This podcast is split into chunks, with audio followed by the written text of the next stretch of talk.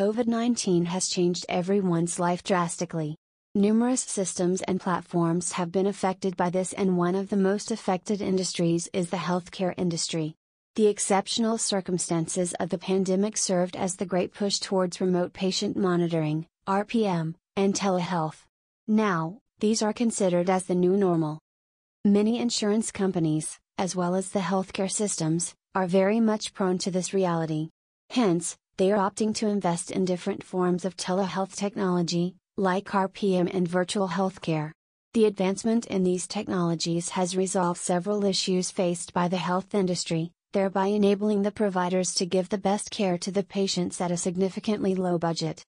Presently, remote healthcare is the new normal. The insurance companies are catching up with the reality and most of them are investing in different forms of telehealth technology and remote patient monitoring.